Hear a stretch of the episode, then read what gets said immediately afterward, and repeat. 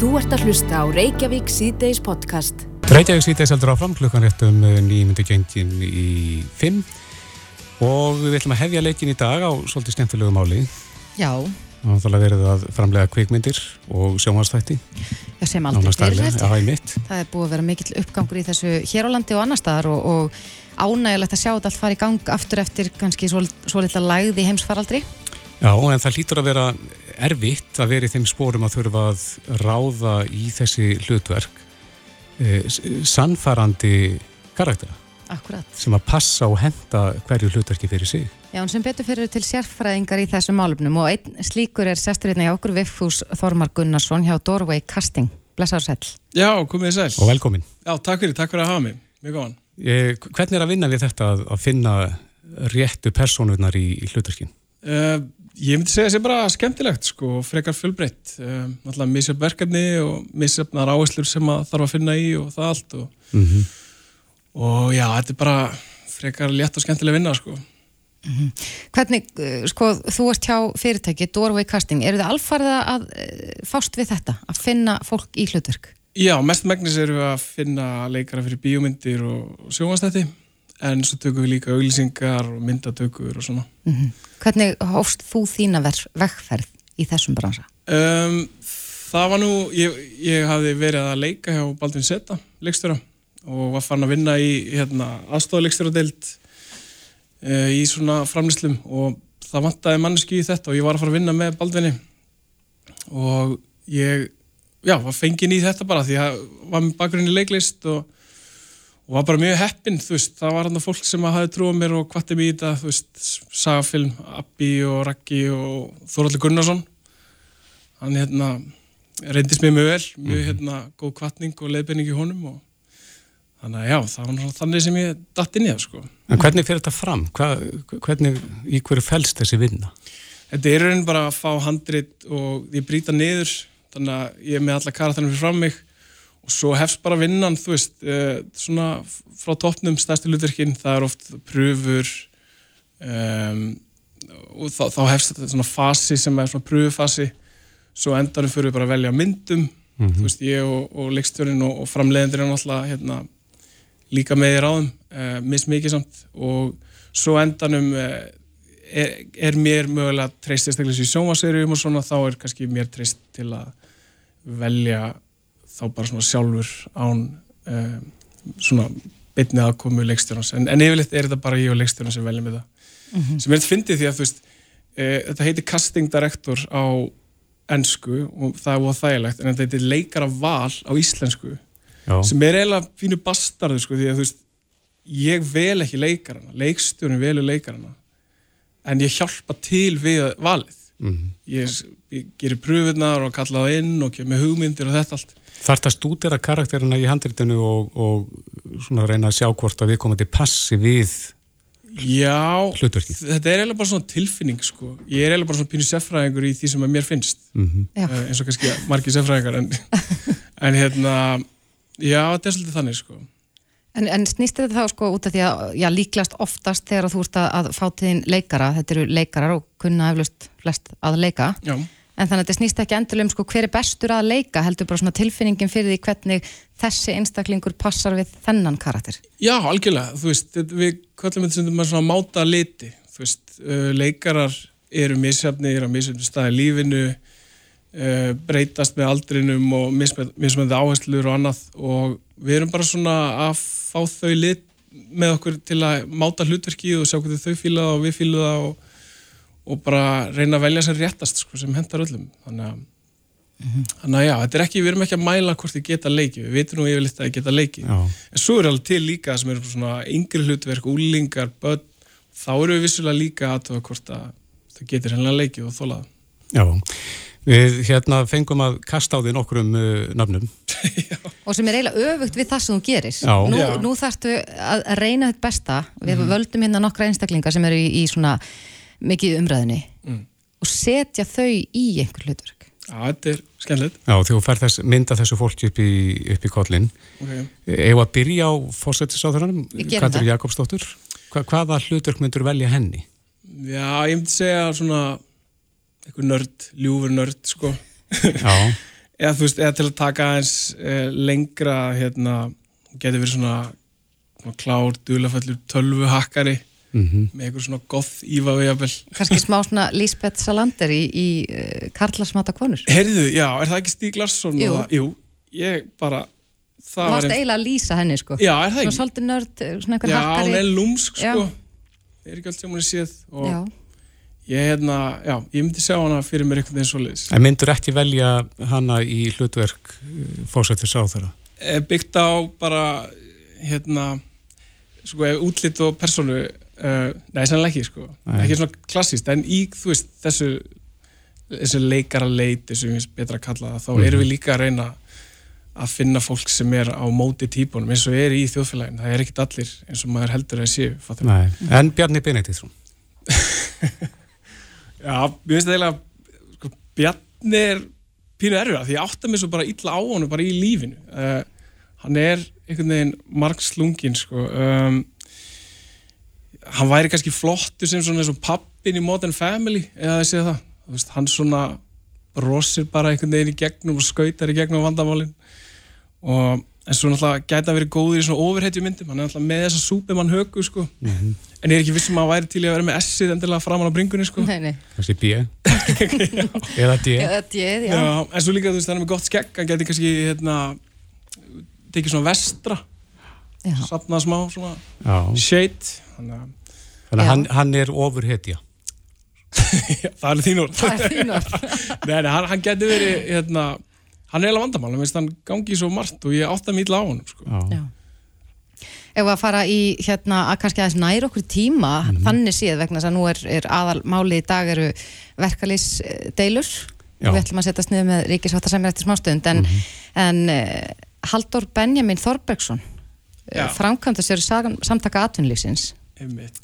hvaða hlutverk Sko, væri fullkomið fyrir ég hann? veit bara ekkert hvað gaur þetta er, sko. Þannig að hann er bara algjör aukaleikari í mínum bókum, sko. Já, Í, sko, Reykjavík síteis myndinni er hann bara maður og bara eitt, held ég, sko. Það bara eitt. En sko til að gefa, ef, sko, bara horfa á mynd á hann, gefa hann smá séns, þá, þá öskrar sko dönsk kvikmyndagerð á mig. Um, þú veist, hann gæti verið, hann gæti auðvitað verið einn af kennurunum í drug til dæmis, já, eða einn af vinunum í klón, svona vinir þeirra. Já. Þannig að það er eitthvað svona danst yfirbræði yfir honum sem er skemmtilegt, sko. eitthvað skandinavist lúk Já, þú veist, það var ég bara að tala um að mynd, sko, ég, ég, ég hef aldrei heyrt hann tala, sko. En En, fyrir- fyrir... hva, en hvað er hann? Er samt Framkvæmdastjóri samtaka atvinnlýsins Já, þannig að Hann er ég er rekstri, þetta er minn maður sko. Já, já ah, okay. En ok, þá fyrir við á hinn endan sem er Solveig Anna sem er, eh, já, formar eflingar Já.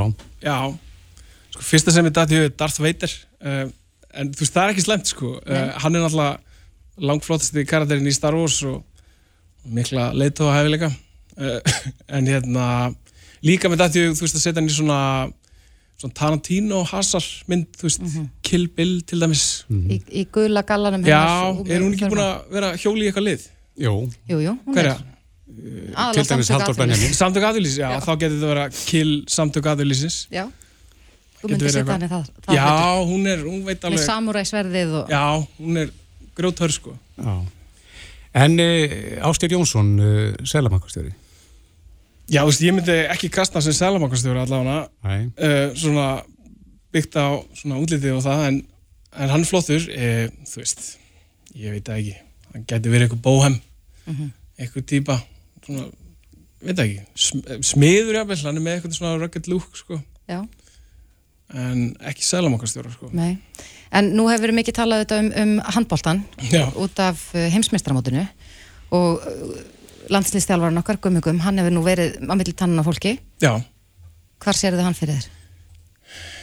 gummi, fósbræður Fósbræður? Já, gummi gum, comedy genius. Uh, Nei, þú veist að því ég sé hann svona fyrir mig svona sem indrið Já, og svona, ég að gera það. Svona, rótera liðinu og ég að gera það og eða þarna gæin í gluggana með það, þú er að laga hnakkin á stráknum, hann situr allir í hnipri. Já. um, þannig að ég hann getur Það verið er svona góður. alltaf eitthvað, eitthvað svona grín element í honum. já, eða til þess með eitthvað hlutverk eins og hérna, Michael Douglas í Falling Down. Svo gæði sem með þetta alltaf hreinu en fæs hann alveg nóg sko. Það getur verið eitthvað. Gæðin sem fer yfirum. já, Já, já, já, þetta er skemmtilegt. En ok, bara, nú, er, nú erum við að hittast í fyrsta skipti, Vigfús Já, hvert myndur þú setja okkur? ykkur, Okkur kollegana hérna, já. Sko, Svolítið on the spot en, á þess spot, ég, hérna, ég held að hann væri, þú verður svona, væri eitthvað svona CEO Steve Jobs típa. Kristoffer Já, Já, ég held það sko, svona maður sem veit sitt, jafnvel eitthvað svona Dr. Evil, ég veit það ekki, nei, samt svo viðkvæmlegur. Og þú veist, ég myndi bara setja því, þú veist, lögreglstjóra, fórstræðara, eða bara, já, bara, þú veist, ég þyrfti eiginlega þess að pæla í því, sko. lauruglistjóra og fórsetstráðara hljóma náttúrulega illa það hljóma vel. Er það ekki? já, já, ég held ég bara satt við það Já, það, þú ætlar að stræka mig þannig sko, við erum ekki þekst lengi sko. Nei, cirka sjö Það mínútur er eitthvað svona yfirvald, það er eitthvað svona authority í þeir sko. Skemmtilegt, Já, Já, þetta er góða dómur. er það ekki? Já, en þú ert í skemmtilegu starfi, það er ljóst. já, já, þetta er ágætt sko. Við uh, þakka þér kærlega fyrir komuna, það er gaman að spája þetta er ekki nóg að gera, eins og við sagðum hérna áðan mikill uppgangur í þessu öllu saman Jú, jú, það er brjálega að gera sko, það er bara hérna, ekkert láta því og bara Íslendingar rosa duglegir að að framlega og þjónusta efni sko. En rétt, rétt í lókin, ef, að- ef að fólk hefur áhuga á því að, að sko komast inn í þennan geira, jafnvel bara vera hérna uh, aukaleikari hérna, Já, viðkomandi nummer eitt á barnum já, maður tuga bar. Já, hva, hvernig snýr maður sér því? Sko, það er rosa gott að læka Instagram með okkur, Dorvei Casting og svo líka að senda okkur post á casting.dorvei.is við tökum á þau öllum umsóknum bara hvað sem er og sérstaklega ef að þú heldur að þú er ekki erindi að passir ekki eða eitthvað þá viljum við akkurat fá þig Já, þá ert þú rétt að manneskjan. Já. Vigfús Þormar Gunnarsson hjá Dorvei Casting. Kæra þakki fyrir komin, þetta var skemmtileg yfirrið. Takk sem leys Takk. Þú ert að hlusta á Reykjavík C-Days podcast. Reykjavík sýttis heldur áfram. Eh, Hann er komið til okkar maður dagsins. Já. Að, aðalsteinn Leifsson, ríkisáttasemmer, er velkomin. Takk fyrir. Já, þetta voru stóra fréttir. Þú ákvast að höggva á hnút eða kannski að nýta stærri hnút. Hve- Hvernig lítur þú á þetta? Vonandi að höggva á hnút. En það er þannig og kannski kunnar en, en frá þurfa að segja til fólk sem er að fylgjast með fréttum að þessa kjaradela er í algjörum hnút og algjörlega stál í stál. Og í rauninni nánast fordæma lausar viðræður vegna þess að það hafa verið undarfarið síðustu vikum og mánuðum mjög erfiðar kjaraviðræður, þungar kjaraviðræður og hart tekist á. En alltaf tekist að ná samtali og leiða samtali síðan áfram og búa til ykkur sviðsmyndir og lausnir og máta þær og endingu finna laust sem aðalar eru sátti við. En þessi kjaradela skessu úr að því leiti að það hefur reynst gríðarlega erfitt, ómögulegt að ná upp virku samtali. Og uh, núna þegar að hún er að fara á herra og herra stig sem að sést meðalans á því að, að það er atkvæðagreisla um, um verkvall sem að uh, rúmlega 1% félagsfólks í eflingu tekur þátt í og síðan er, uh, eru tal um það frá samtökum aturlífsins að beita verkbönnum sem er verkværi sem við ekki séð beitt á Íslandi í langan tíma. Og uh, svo tala líka um að afnema afturvirkni hækkana hjá eflingafólki. Að það er í þessum kringustæðin sem að ég ákveða að taka upp úr verkværikistu minni það eina verkværi sem ég á eftir sem er að leggja fram tillugalust og setja það í atkvæði félagsmann eflingar og uh, aðaldafyrirtækja samtaka atunlýfsins. Hver er til það? Tillagan gengur í raun út af þrend. Í fyrsta lagi að þá eru í henni þær hækkanir á launatökstum sem að var samiðum uh, í samningi átján aðaldafélaga starfskunarsambandsins sem eru hín átján aðaldafélaga starfskunarsambandsins verðan þess eflingar það 19. Uh, og sam, uh, þeir samningar sem, sem starfsgrænsambandi gerði. Og í annar stað að þá eru í miðlunartilögunni aftur virkar hækkanir. Og það er gríðalegt hagsmunumál fyrir, fyrir starfsfólk uh, á kjærasamningi eflingar. Vegna þess að allir aðrir á almennu vinnumarkaði hafa nú þegar fengið aftur virkar hækkanir frá 1. november í fyrra sem að eru talsverði peningar.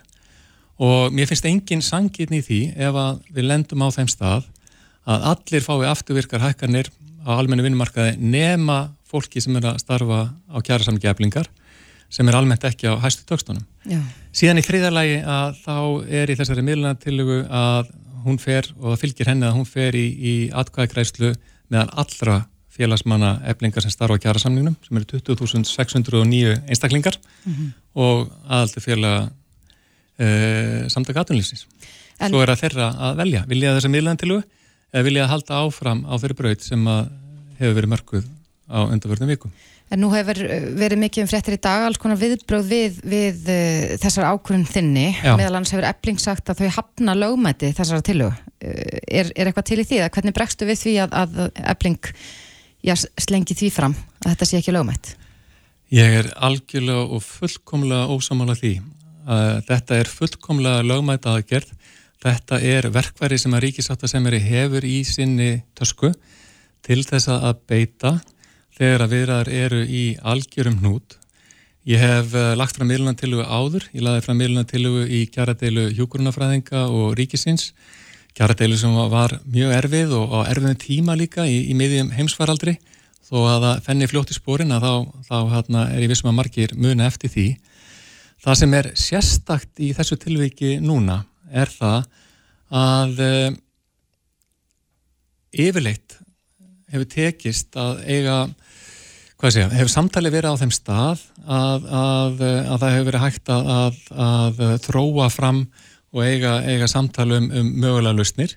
En í þessu tilviki þá er harkan einfallega svo mikil að það er, það er mjög erfitt. En að sjálfsögðu ég átti fundi í morgun bæði með eblingu og síðan með samtökum maturlýfsins skýrði þeim frá þessari fyrirallin minni og eh, efninsinni haldi miðlantilögunar og, og fyrirkomula í kostningana til þess að eiga við þau samtal um miðlantilöguna og fyrirkomula kostningana áður en ég síðan laðana fram. Leggur þú til atkvæðagreyslu bæði meðal eflingarfólks og þeirra fyrirtæki sem standað samtökum aðtunlýsins? Já, í rauninni er þetta tvær atkvæðagreyslu og er verða rafrænar mm -hmm. og... Um, Hver á að framkama þessar atkvæðagreyslu? Þessi atkvæðagreyslu verður framkvæmd af Advanja og Advanja hefur staðið að mörgum atkvæðagreislum meðalans fyrir mörg verkefælisfjölu og meðalans um marga þeim kjársamningunum sem hafa verið samþyktir og farið í atkvæðagreislu undafarið og uh, þannig að þetta er svona aðferð sem er vel þekkt og, og, og viðkjönd. En er ekki erfitt að fara í svona atkvæðagreislu, þú ert ekki með aðila með þér eins og stjórn neflingar? Það getur verið heldust núna en ég trú og treysti því að það gangi eftir en það stendur alveg skýrt í lögunum að þegar að búið er að leggja fram miðlandilu þá skal fara fram atkvæðagreislum hana. Og ég treysti því að, að starfsfólk, uh, félagsfólk eblingar uh, fá að njóta þess líðræðslega réttar sem það hefur til þess að greiða atkvæð um þessa tilugu og ég hef heyrt mörg stór orði í dag. Og ég hef heyrt talað um að, að þetta sé ákveðin óðbeldis aðgerð að leggja fram þessa miðlandilu en þá skulum við hafa í huga hvert er andlag og intak þessara tilugu. Ég er einfallega að leggja á borðið ákveðin á lust hugmyndalöst og síðan getur fólk annarkoð samþýttana eða sinjaðinni. Hvað gerist ef að hún verður fælt þessi tilöð? Það hefur komið fyrir í fortíðina að, um, að miðlunartilögur hafa verið laðað fram og feldar, sumar hafa verið feldar jæfnvel með glæsi brag yfir 90% atkvæða mm -hmm. og um, þá verður fólk einfallega að setjast niður aftur og þá er viljið fólks skýr að það vill ekki miðlunartilöguna og vill fremur halda áfram að eh, reyna að ná niðurstöðum með öðrum hætti og uh, þá verður fólk að setjast niður aftur og, og halda áfram á þeirri vekkferð. Mm -hmm. Haldur Benjamin uh, Þorbergsson, hann sagði í viðtali við vísupunkturins í dag að þetta var von, vonbreyði mm -hmm. og geti verið hættulegt fordæmi. Mm -hmm. Þú sagðir hérna rétt á hann að þú hefur lagt fram slíka tillögu mhm. í kjaradeilu hjókrunafræðinga. Er þetta óalgengt? Það sem ég held, hans ég leggja honum orðið mun, það sem ég held að, að Haldur Benjamin hafi verið að vísa til er það að hluti af þessari tilugu er að allt starfsfólk sem að starfa að kjæra saman geflingar fái afturvirkar launahækkanir frá 1. november á síðast ári. Það er segja fyrir november, desember og januar. Mm -hmm. Og það eru ríkar ástæði fyrir þessu. Það eru mjög miklir hagsmunni fyrir starfsfólkið að fá þessar launahækkanir. Ég get setta það í það samhengi að segja eins og svo að, að við höldum áfram í þeirri ófriðaferð sem að, að nú er hafinn hefur verið undarfarna vikur og segjum að það komi til verkvöld og verkbönn og, og svo framvegis en að það náist síðan kjara samningar jafnvel sama dag og, og verkvælli skellur á sem áformað er 7. november eh, og er í kostningu núna hjá eblingu að 7. november? Nei, 7. februar fyrir ekki segjum að, segjum að það gerist að samningar nást á þeim degi og þá hefur hafa samtök aðurlýsing sagt alveg skýrt og það er með trúverðu hótun í ljósi sögunar, með trúverðu yfirlýsingi í ljósi sögunar að ekki koma til afturvirkar hækkanir. Mm -hmm. Þá þurfa þær launahækkanir sem er í þeim samningi að vera undabill 20% herri heldur en í samningu starfsgrænssambansins til þess að fólki sem er á þeim samningi komið út á nulli með þann samningstíma sem að rættu um og sem allir hafa samið um almennu vinnumarkaði. Mm -hmm. Það er að segja, það er svo mikil verðmæti í þessari afturvirkni og það sem ég held að, að Haldur Benjamin hafa verið að vísi varandi að það væri ákveði fordæmi er að ég er að sækja og tryggja þessa afturvirkni í tillugunni. Mm -hmm. En mér finnst það að vera sanginnismár að, að eflinga fólk fá afturvirka hækkanir eins og allir aðrir. Já.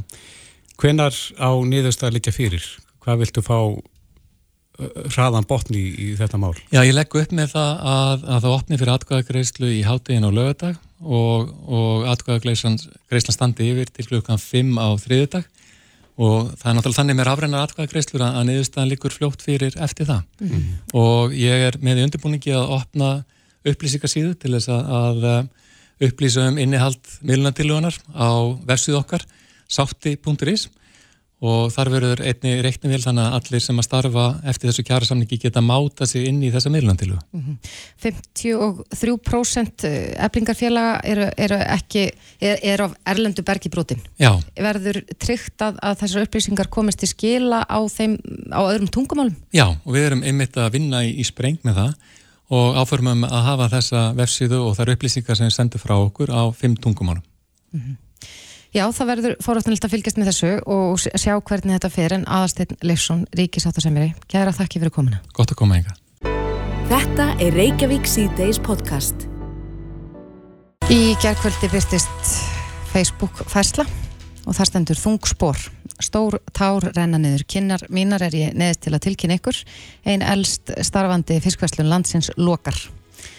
Og það er fiskikongurinn Kristján Berg sem að rítar þessi orð og hann er komin til okkar, velkomin. Takk fyrir. Hvernig er, er staðan? Segð okkur aðeins af þessari fæslu og þessari ákvörðinni að, að loka annari af verslunuðinu. Já sko, þeir eru búin að reka fiskverslun á sama stað síðan 1994 við 30 ára næsta ári og ákverði daginn að skelli lás. Mm -hmm. Það er mjög erfitt sko. Þú ert eða bara að loka á, á sálinni þér sko. En hver er ástæðan fyrir því að, að þú ætlar að loka? Já, ástæðan er nú hérna margþætt en, en fyrst og fremst er náttúrulega rekstra grundvöldun er ekki svo sami og hefur verið síðustu 30 ár. Það er stæðsta ástæðan. Mm -hmm. Verðla hefur hækkað, fiskverð hefur hækkað, laun hefur hækkað, húsalega, þú veist, það er bara sama hvað það er sko. Og ég nefndi í þessari fæslu minni jafnir klósipapír, skilur. Það hefur allt hækkað. Mm -hmm. Það er dýrir að skeina sér, skilur. Það, það hefur allt hækkað, það er sama hvað er. En hefur ekki verið á fyrsti þá hækkað samlega því? Jú, fiskverð hefur hækkað bara meira heldur en við getum hent út í verðlæði. Ef ég myndi hækka fiskverð jafn mikið og hækkun hefur nömið til okkar fisksala af innkvæmsverðið, þá væri þessu bara sjálf hægt hvort þið er. Þannig að, já, það, það, maður er bara alltaf raskat að þessu með þetta, en það er, það er bara komið gott núna. Mm, þú segir líka í fæslunni að fólk er nánast hægt að borða fisk, eða hefur í það mest að minka nesluna? Já, það hefur náttúrulega orðið rosalega breyting á, á neyslu vennjum og fólk er hægt að borða fisk og það er náttúrulega meira úrvala að matvælum mm -hmm. meni, við vorum að borða mikið fiskinn í gamla dag en það voru ekki til pasta og pizzur og, og, og keto og vegan og allt þetta sem er tröllur í öllu núna þannig að það tekur náttúrulega frá fisk neyslu mm -hmm. Þú segir hérna pizza og kókupöfs kynnslöðin er að taka yfir er það, er það já, fólki sem er svona að, já, kannski að stopna heimil í dag og, og ég vil bara kann ekki elda fisk, er ekki mikið fyrir fisk og, og það smittar áfram? Já, þetta var svona, svona það sem er dætt í hug að sko, pizza var náttúrulega ekki að finnast upp sko fyrir fimm áru síðan, það er alveg klart. Hvað er um að segja þessi 20 áru síðan pizza var svona fundur upp og dómir og segja eitthvað opnað á Íslandi mm -hmm. og þá voru krakkarnir 5 og 10-15 ára gamlir þetta eru fullari fólk í dag með börn og það er alveg upp á pítsu og það er rosa þægilegt að fá sér eina heita lummu skilu. það er bara fyrstu það að fá mjög eina, eina pítsu og, og þetta er ekki slæmið matu skilur en þetta er óa þægilegt að, að fá sér bara pítsu mm -hmm. og en, En frambóða fyrst hefur líka aukist. Ég man að í gamla daga þá var bara lítið annað í bóði heldur en svoðin ísa með smjöri eða hamsatólk og nú eru hérna réttirnur orðin miklu fleiri, miklu meira úrval. Kanski ómikið, hundi ég segja. Og það er erfitt að halda úti fiskveslun, það sem var kannski með 10-20 fiskretti pluss allt þetta gamla sem við viljum halda í hrókn og lífur og, og hérna, þess konar ís og nætusalt og það eins og sér mm -hmm. og, og saltfisk og þetta og bæta þessu við og svo ertu komið sushið og, og humarinn og humasúpuna og þetta þannig að þetta er rosalega mikil vinna að vera fisksal í dag að reyna að halda öllu ráfni fesku því að ekkert að viltu kaupa gamla fisk mm -hmm. þá kemur aldrei aftur þannig að þetta er rosalega mikil vinna og mikil úrval En uh, já, við tölum nú oft um, um já, bara svona ástandi í samfélaginu hér. Það er alltaf hækka og eins og þú myndst á þann með þessa klósupapirinn og uh, launin. Er, er það stór hluti af já, svona þínum rekstri? Við vorum nú hérna rétt á þann að tala við eh, ríkisáttarsamjara um, um kjaradeiluna og milli eblingar og samtaka aðtænulífsins. Er, er launakostnaðurinn að sliga fisksalnan líka? Já, það, það er... Ég held að allir sem eru í fyrirtækjarekstri í dag er, er kvarta undan þessu sko mm -hmm. og hérna það er alltaf hækka, við erum alltaf róina og sjálfum okkur, náum aldrei í hana ég meina þú hækka laun og svo hækka vöruverð og þetta fer alltaf ring eftir ring þetta er orðið vittlisa, laun á Íslandi eru ríkalega há og góðu laun ef við miðum bara við nákvæmlöndin bara vöruverð er galið það er bara mín skoðun á þessu mm -hmm. Þannig að en, fólk ekki, hérna, getur ekki kift og lifa af, það er það sem er vandamáli. Launin eru fín, en bara vöruverðu allt er og hátt. Já, og þú segir hérna í fæslun sko að, að við getum kent alþingi og stjórnmálamönnum um stöðu þessara mála í dag. Hvað á, á uh, ríkisvaldið að gera til þess að bæta stöðu ykkar, til dæmis? Fisksala? Já. Það er góð spurning. Ef við hefði svarið við því. En fisku þarf bara að vera í fyrsta lagi á mannsamandi verði að þú getur farið og keift fisk út af hverju þarf þetta að vera svona dýrt ég meina við búum hérna á eigu það er fiskur hérna út um allt syndati hérna kringum okkur út af hverju þarf þetta að vera svona dýrt ég meina ef fiskverð var í læra þá held ég að líð þessu máli varu betri líka. Mm -hmm. en Þetta er stóra ákvörðin hjá að loka annari vesluninni en þú settir aðra fæsluðin eh, skömmu áður þar sem þú talaður um geð heilbriði og uh, tjáður þeim þína einn líðan. Segðu okkur hans að því. Já, það er náttúrulega sko eins og ég er í fyrirtækjarekstri ég hef verið að rekka þrjár veslanir og, rekk þrjár veslanir í dag tvær fyrstbúður og, og eina búðum við að hitta bota mm -hmm. og þegar ert fann að vakna fimm á mótnan og koma heim sjó kvöldin og við erum ekki að tala um hérna þrjámanið, þú ert að gera þetta eins og ég 20-30 ár þá enda með að einhver gefa sig og, og hilsan hjá mér bara gaf sig, það er bara þannig mm -hmm. þetta er bara eitthvað sem ég vill ekki gera lengur og líka mér segir stopp og heilin, það er nú eiginlega það sem er verkværi sem er erfiðast að laga. Maður, því, maður getur ekki sé hvað er að. Það er ekkert mál að lagna beinbrot sko. Þú veist á brotinu getur farið í spelkuð eða gifsið eitthvað. Mm -hmm. en heilan er kannski erfiðast að lagna En það er nú oft talað um það að, að, að samfélagið okkar er nú kannski orðið opnara í dag fyrir bara því að, að maður geti tjá tilfinningar sínar. Og uh, já, þú þarna leggur þetta borðið og segir að geðhelsan sé að stríða og vera slappur undarfarta mánu. Hefur fengið mikil viðbröð við þessari færslu eða jafnvel ráðleggingar um, um uh, hvaða skref væru góð fyrir þig? Já, já, ég hef alveg fengið fullt af hérna, ráleggingum og, og, og sumt sem að ég vil ekki og, annað sem að ég geti hugsað en, en hérna Ég held ég viti nú alveg lausnin að það er náttúrulega fyrst og fremst að minka vinnuna, hugsa um sjálfa sig og vera bara að gera það sem maður finnst gaman að gera. Mér finnst gaman að hlusta á músík, mér finnst gaman að fara í gólf, mér finnst gaman að hitta fólk, fóra fókbólta. Ég vilti hóra fókbólta á sopnaði því ég er svo þreytur. En hérna, þú veist, þetta er það sem ég er. Það er verið að búa að benda mér að fara til geðalegna og fá okkur pillur. Ég er ekki að kaupa það sko. Ég held að einhverja geðpillur eða þunglindslif hjálpi einhverjum en ég held að myndi ekki hjálpa mér það er svona síðasta lausnin svo hefur verið að benda mér á eitthvað fíknefni, CBD eða hvað þetta heitir, ólíu ég er ekki alveg að kaupa það strax það getur vel verið að þetta sé einhver undraverið lausn en ég, ég er ekki að fara þálið En hvað með að leita til fag aðeila? Já, það er eins og að segja, ég án og bara panta tíma núna á þriði dagina stugu, klukkan þrjú. Mm -hmm. Já, sálfræðingi þá? Já, Já. og ég hef svona ég hef verið hjá hann Jóhann Inga Gunnar sem að hefur verið svona markþjálu líka sko, hann, við, hann er að reyka fyrirtæki og, og ég er búin að vera hjá hann með mörg ár. En nú er mikið búin að vera að tala um, um sko kulnun. Upplifur þetta sem slíkt, hefur þið kynntir svona hvað er fólkið í því að, að vera í kulnun? Það hljómanu svolítið þannig, bara ég segja það nú bara út af því að þú talar um, já, linnurlösa vinnu í ára tugi Nei, ég, ég bara get ekki svarað þessu sko, ég, það er allan eitthvað inni sem að mér mislíkar. Já. og mér mislíkar að mæti vinnuna og, og vera mikill jámaður þannig að þar, ég þarf að finna einhverju lust á mínu málu með þetta. -hmm. Hefur þessi ekstra vandi, nú, að, nú lokar veslunin á morgun Hefur þetta spilað inn í svona, eh, hvað kollin var þar? Já, ég var nú að ljúa ég myndi segja nei við því. Það hefur áhrif, það er það er mikil ábyrð og hérna að vera með fólk í vinnu.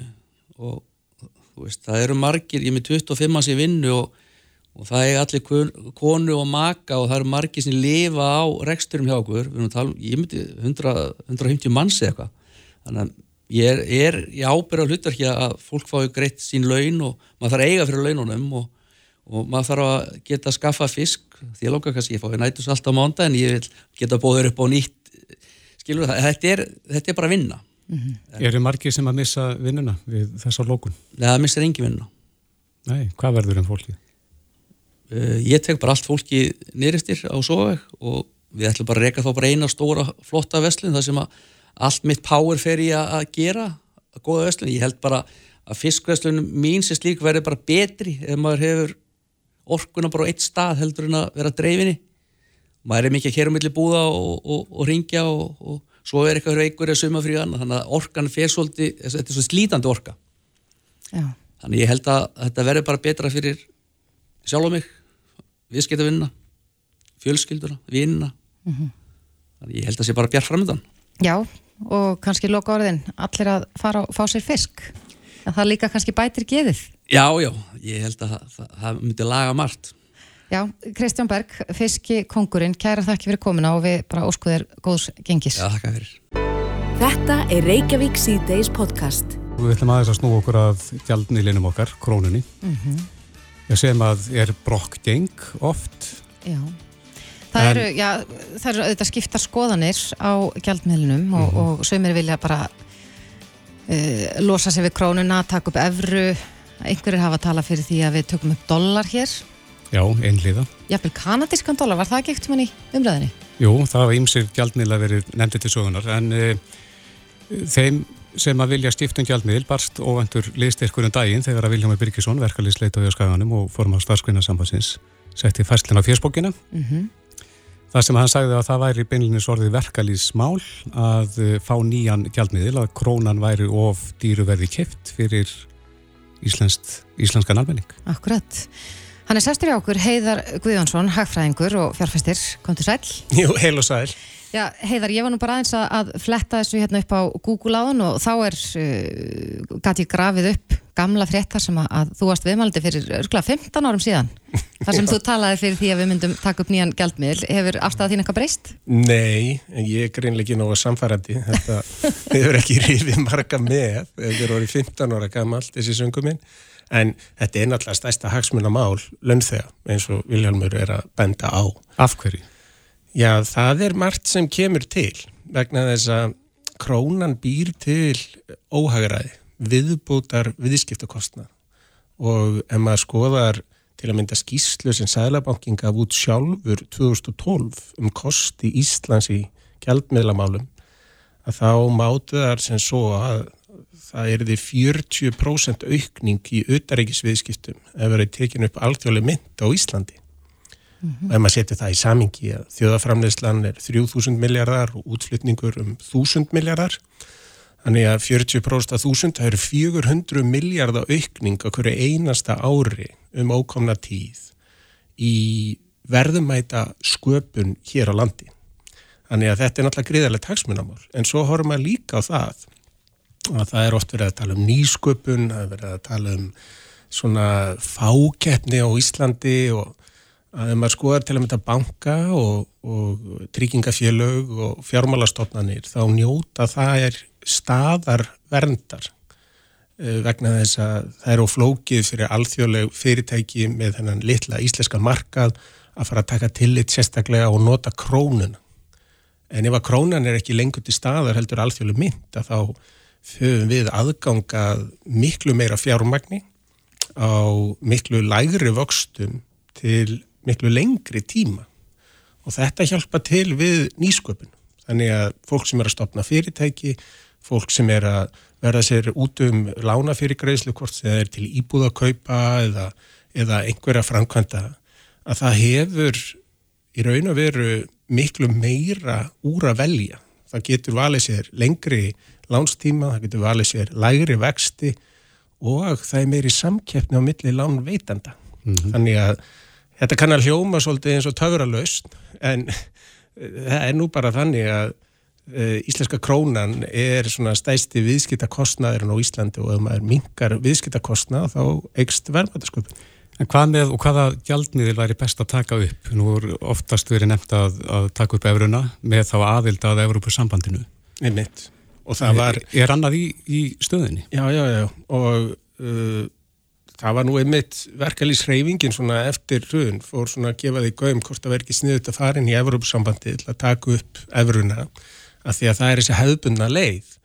En það hafa löndi í Evrópu tekið einhliða upp efru og það er eitthvað sem gerist bara á innan við viku og er hægt að ákveða. Ég hérna fyrir 15 ári síðan var að tala um að taka upp einhliða Kanadadollar eða dollar. Mm -hmm og í þeirri svona myndlíkingu á þeim tíma þá var maður að veltaði fyrir sér hvort myndum maður vilja, ef maður ætti að velja sér bíl, velja sér beinskiptan Trabant eða sjálfskipta Tesla. Uh, Dollarin í raun og veru væri þá Teslan og íslenska krónar var í beinskipti Trabantin.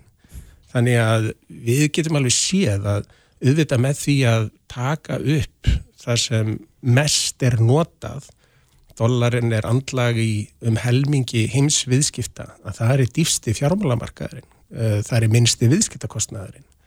Og þar við bætist að útflutningu landsins er mjög mikið í dollar, það er stærsta einstaka viðskiptamynd okkar. Ástæðin er svo að þó við sjöum í Evrópu að all, allt ál sem við framleiðum, það er selt í dollar, stærsti ferðamannahópurinn sem kemur til Íslands, það eru bandaríkjamenn. Uh, og mjög stór hluti sjáarafurða er seldur í dollar. Væri dollarin uh, besti kosturinn af þessum miðlun sem er í bóði? Já, upp á svona bara kallt mat. Frekar en efran? Já, já, væri það, það er öflur í mynd, mm. það eru meir en, uh, já, að sé ekki tæplega þrefaldur að umfangi miða við efruna í heimsviðskiptum. Mm. Þannig að það væri mjög stöðugra og farsætla en stundum eru svona tilfinninga líka að ruggla fólk í rýminu að það er eitthvað svona tilfinningagildi, krónan sætt og hún hefur fyllt okkur svo lengi og dollarin, það er sámuð frændi og það getur verið hættulegt og eitthvað.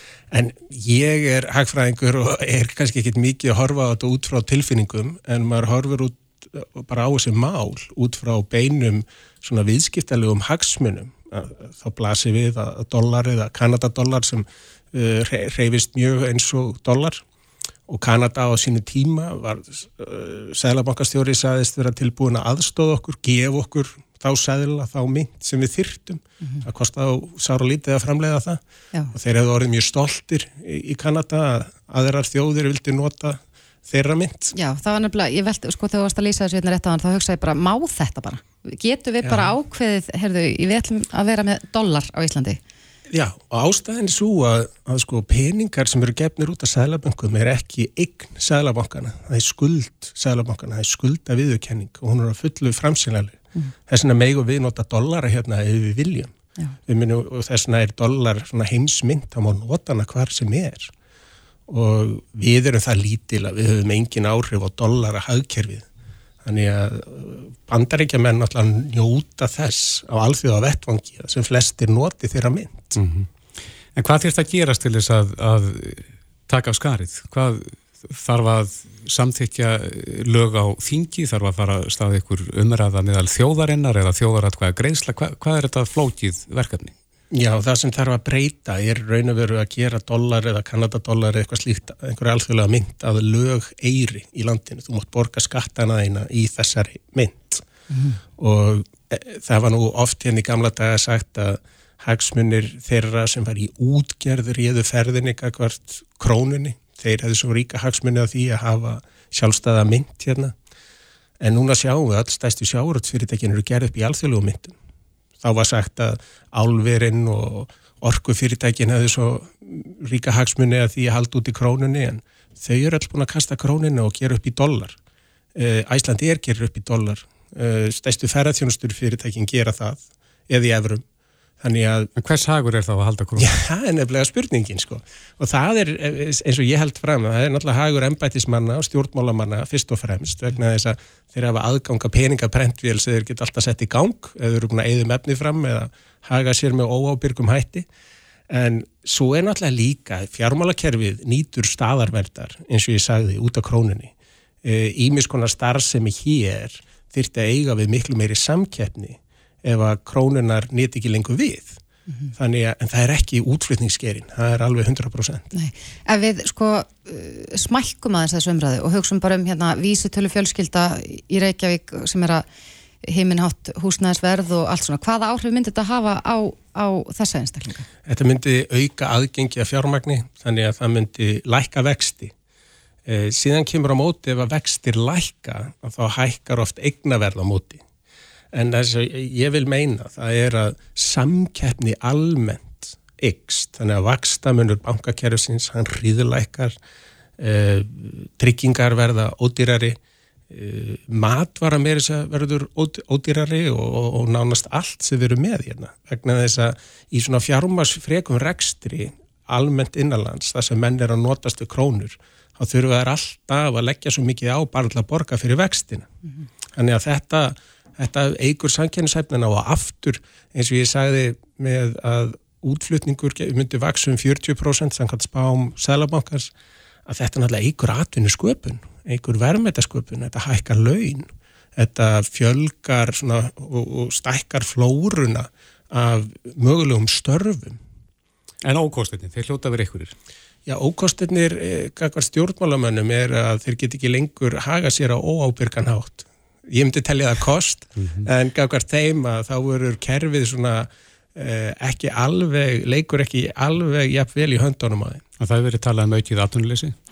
Já, núna erum við að sjá fram á spádóma um að vinnandi höndum í heiminum færi fælkandi og það verði vinnumarkars þurð, það verði þurð á í raun og veru starfsmönnum, eh, ekki bara hér í einu vestrana heimi, heldur bara almennt þannig að ég held að við getum alveg uh, svo verið ótt yfir því. Já, um, það byrstist fréttin á Ríkisútvarpinu í gær þar sem er talað um að uh, æg fleiri eru farnir að sækja í verðtriði lán Já. og íbúðaverðir að lækka. Uh, tengir þú þetta við gjaldmiðlinn? Já, uh, það er náttúrulega mikil verðbólka alþjóðlega en, en krónar er búin að gefa eftir bara frá því hvað í nóvember um, um 10% og það er svona þumalbutta regla um helmingurinn af af, af lækkum krónar komið strax fram í verbulgu. Það er þá 5% viðbútar verbulga umfram það sem gerist alþjóðlega og þetta er náttúrulega óhefilegt og uh, Ragnar Þór, verkalýsleitu í Vaffer var að tala um einhvern tíman að láta banna verðtryggingu. Uh, það sem gerist þá er náttúrulega að aðgangur af fjármagni mingar bara mjög mikið og þá verður sagt, uh, möguleikin á því að sækja sér lán verður miklu minni. Ragnar ætti miklu frekar að tala um það að skipta út myndinni. Mm -hmm. Það væri svona það besta sem kæmið fyrir launþegan á Íslandi. Já. Er þið Sælabankin óþarfur ef að, ef að þetta er það veruleika? Já, já. Það var hægt að búa hana til fallet kasino beint á móti örpu. En er þið hans hlutverk þá bara ekki neitt? Ekki neitt. Nei. Og það verður bara til þess að sjá til þess að sæðlar og mynd í umferð væri svona nægum skamti eða nægum magni, það verður bara þetta að útvista því hlutverki til einhvers viðskiptabankana og ha. hann myndi ekki njóta einhvers, einhver, einhvers samkefnisfoskot með slíkt. Hvað kostar að halda út í krónni? Eru við með verðmið á því? Já, þarna sjáum við að Sælabanki sjálfur segir að, að uh, útflutningur sé miklu minni af því við erum með króna. Það myndi vaksa um alltaf 40% um tækjum upp alþjóðlega mynd Þannig að það eru 400 miljardar á ári. Það er hann á bætist að svo kallega verbulgu skattur eh, sem Sælabankinni með, þeir kalla þetta myndsláttu hagnað, þetta er ekkit annað en verbulgu skattur, að það eru svona 100 miljardar á ári. Þannig að við getum alveg auðvöldlega sagt þetta eru 500 miljardar mm. sem væri þarna í vösum launþega ef að uh, alþjóðli mynd verði staðar en ekki greittar af launþegum í dag. Mm -hmm. Það stýttist í, í næstu yfirlýsingu peningastefnu nefndar 8. februar eh, hjá Sælbankurum. Er þetta að spá eitthvað fyrir um hvað munir gerast? Já, ég, ég finnst mjög auðvelt að spá fyrir um það vegna þess að lögum Sælabankan eru mjög stíf, hann er á verðbólku markmiði ef að verðbólkan ykst eins og gerist alltaf þegar krónan veikist þá þurfa þeir að hækka vexti mm -hmm. og þeir væri að brjóta skildu sína að þeir myndi ekki hækka vexti.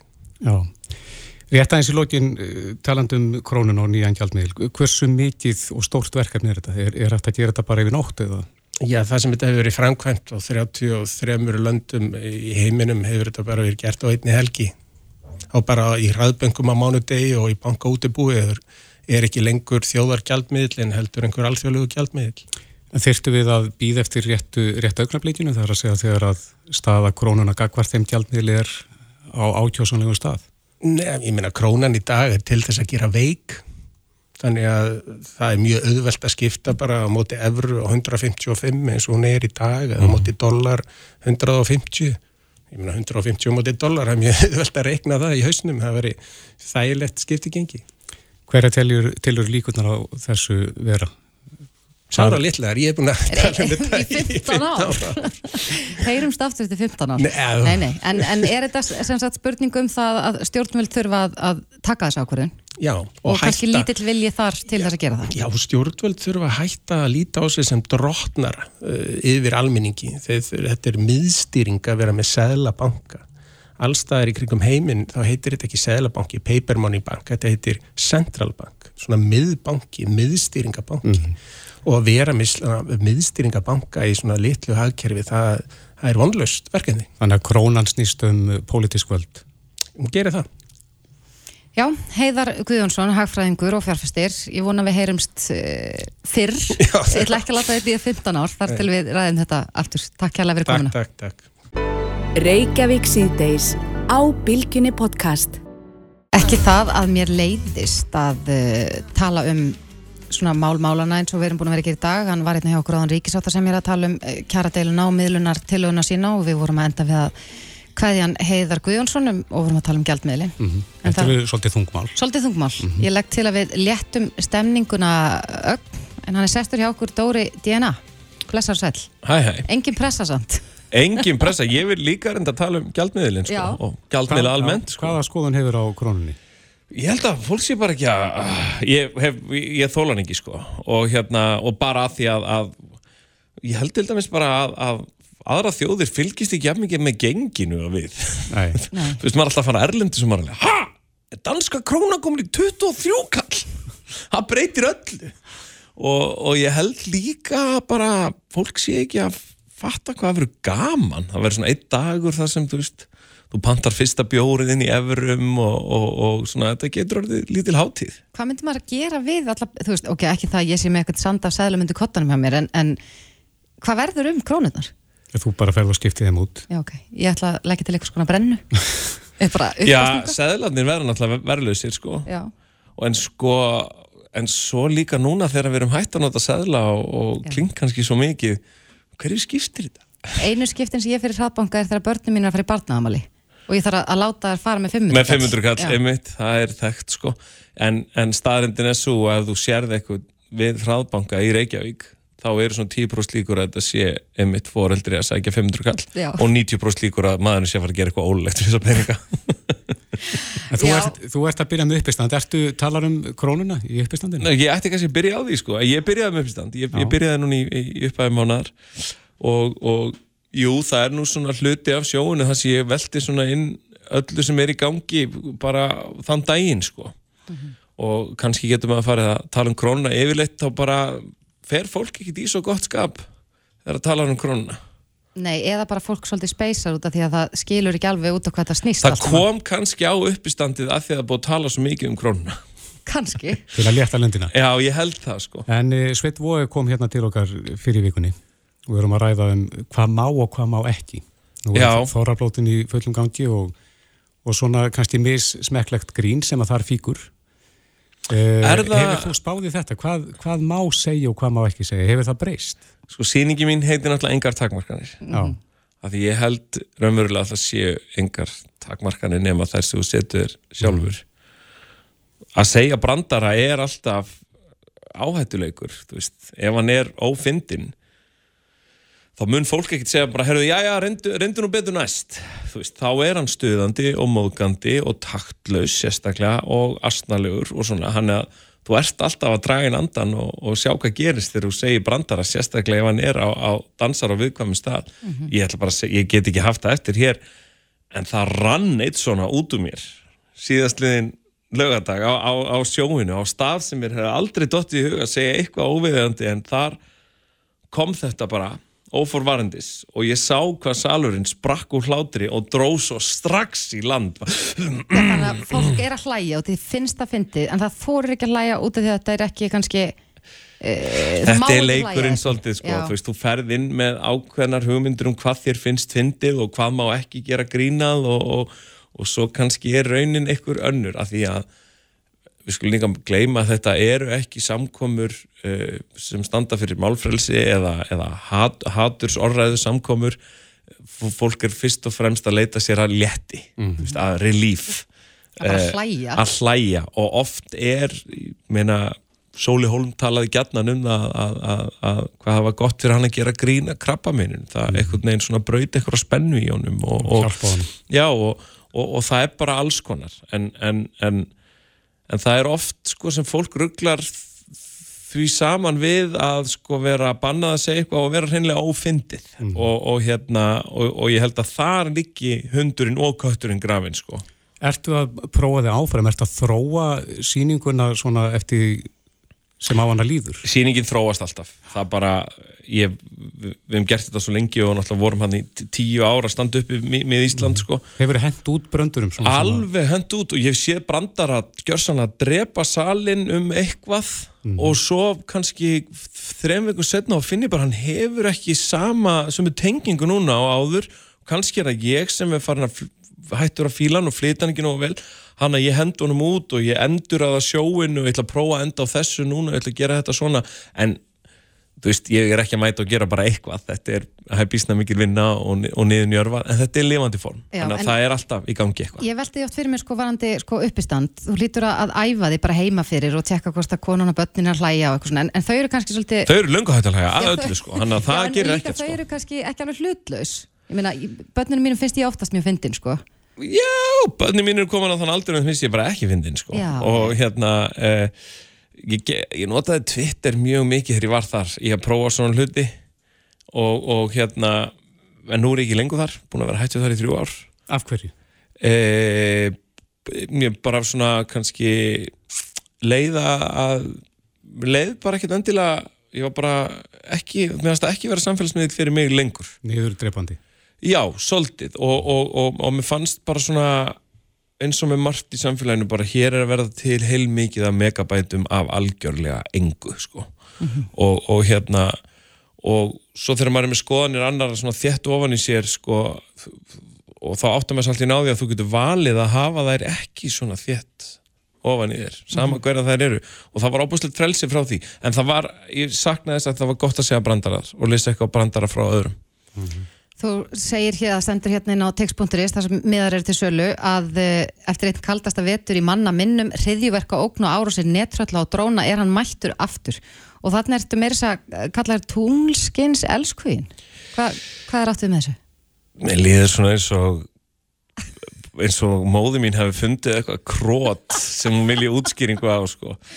þegar einhver skýtur á þig á Facebook og segir Dóri það vantar kynningateksta fyrir uppistandið og þú skrifar hann bara svona fingurum fram jafnóðum, þá er voða erfitt að verja hann uh, mánuði síðar sko, þetta Já. bara kom þá og, og, og lísti mér eins og mér leið þá Já, og vonandi enn Já. En þú segir það eru fáar hömlur en uh, að því vorum að ræða um hvað má og hvað má ekki. Var hlutinni breyst. Eru einhver Ég held svæð, að- svæði sem þú ferð ekki inn á?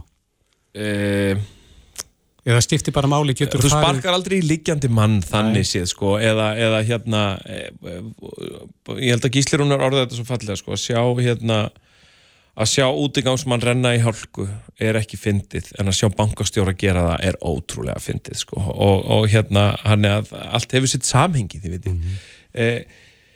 Hva, hva, sko grínistar í bandaríkjónum þrátt fyrir allt þetta tal um hvað má ekki lengur og er allt brjálega grínistar í bandaríkjónum tala núna um að það sé algjör gósentíð sko, að, að hérna að fólk sé orðið svo þreytt á að ræða hvað megi og hvað ekki að það vilji bara svolítið fá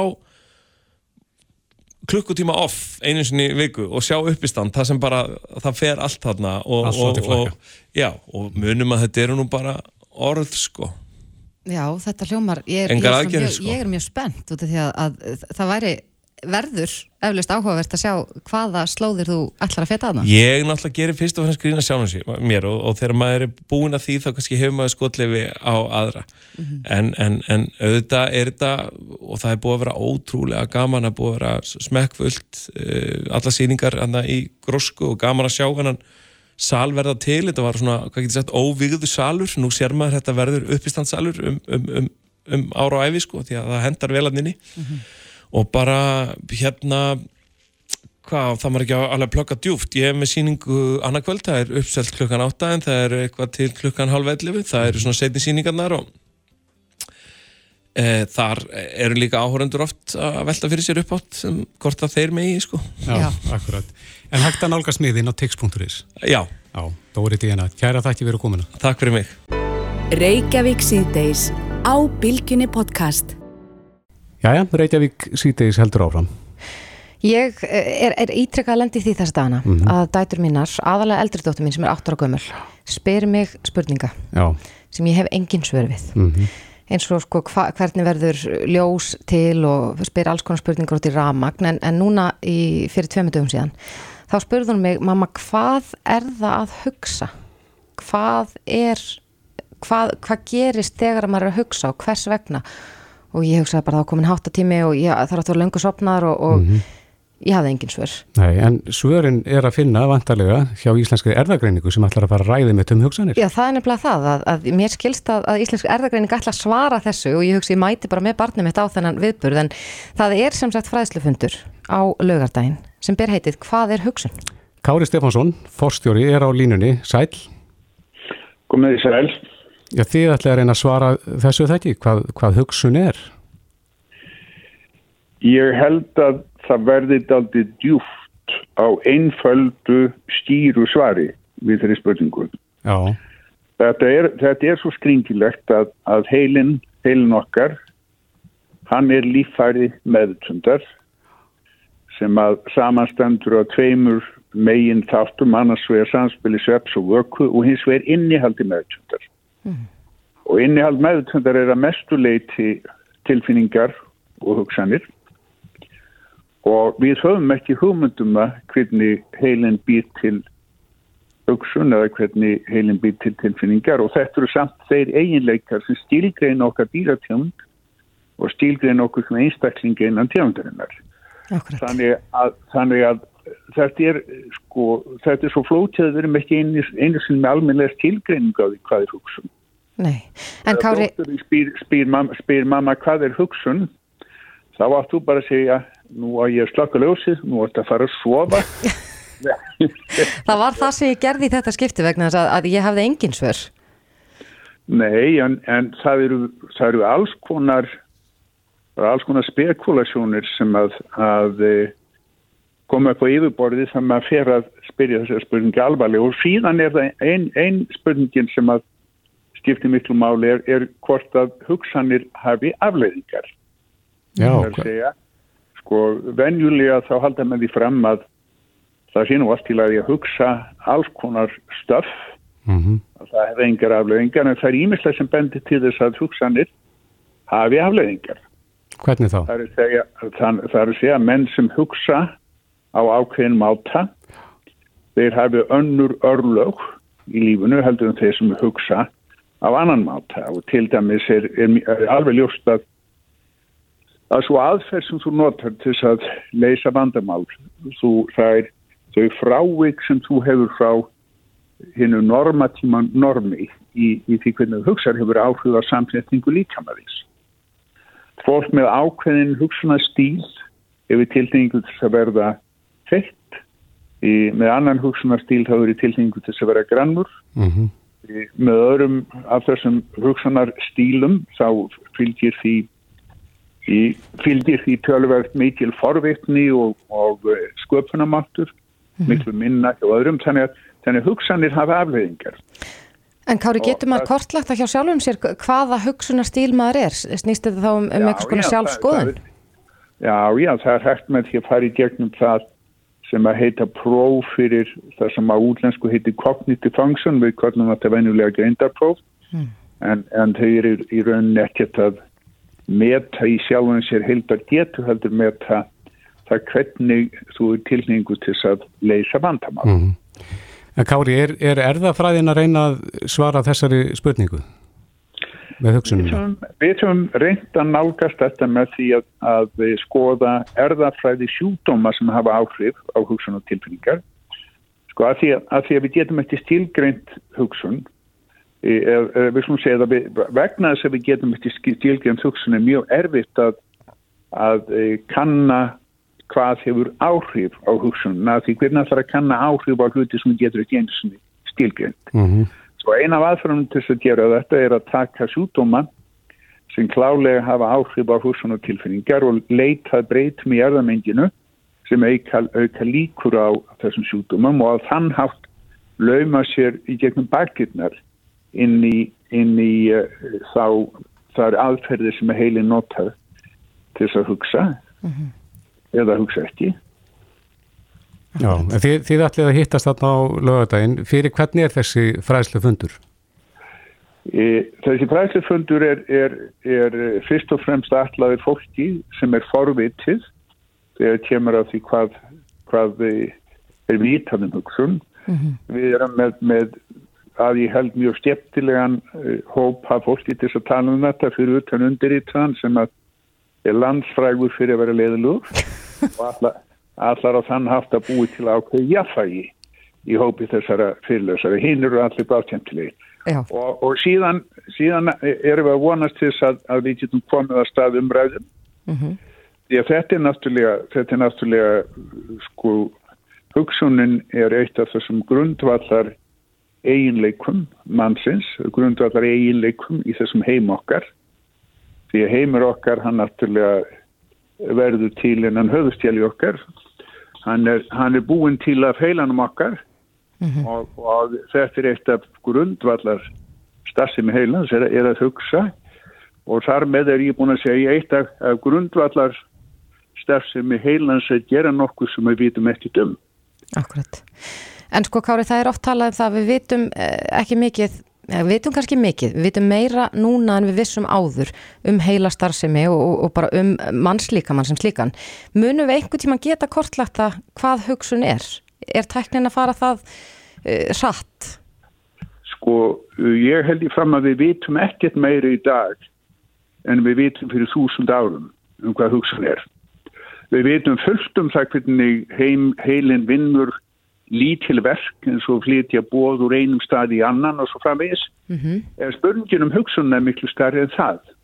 Hún er, hún er, hún er hún, og vandamáli sem við eigum við að stríða er kannski ekki svo mikið í teknológist heldur, heldur þektingafræðilegt vegna þess að við, eigum, við erum ekki enn búin að skilgreina þau hugtók sem við erum að vinna með og samkvæmt okkur text það þá er lítil hægt af því að við tökum stór skref til framfæra. Já, en þetta hljómar er svo áhugaverð viðbur og ég sé hérna að það er hún Nanna Brím Geðleiknir, uh, Jörgen Pind, professor Emriðs í Sálfræði, Jón Kalman Ritthöndur og, og svo ert þú þetta líka að, að þannig að þið farið um viðanvöll.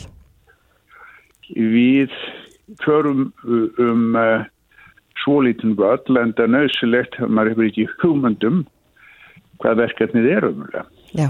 Kári Stefansson, eh, forstjóri Íslenskra erðagreiningar, kæra þakki fyrir þetta og við hvetjum sem flesta til þess að mæta á, á þennan viðburð. Takk, takk. Takk. Bless. Hlustaðu hvena sem er á Reykjavík C-Days podcast.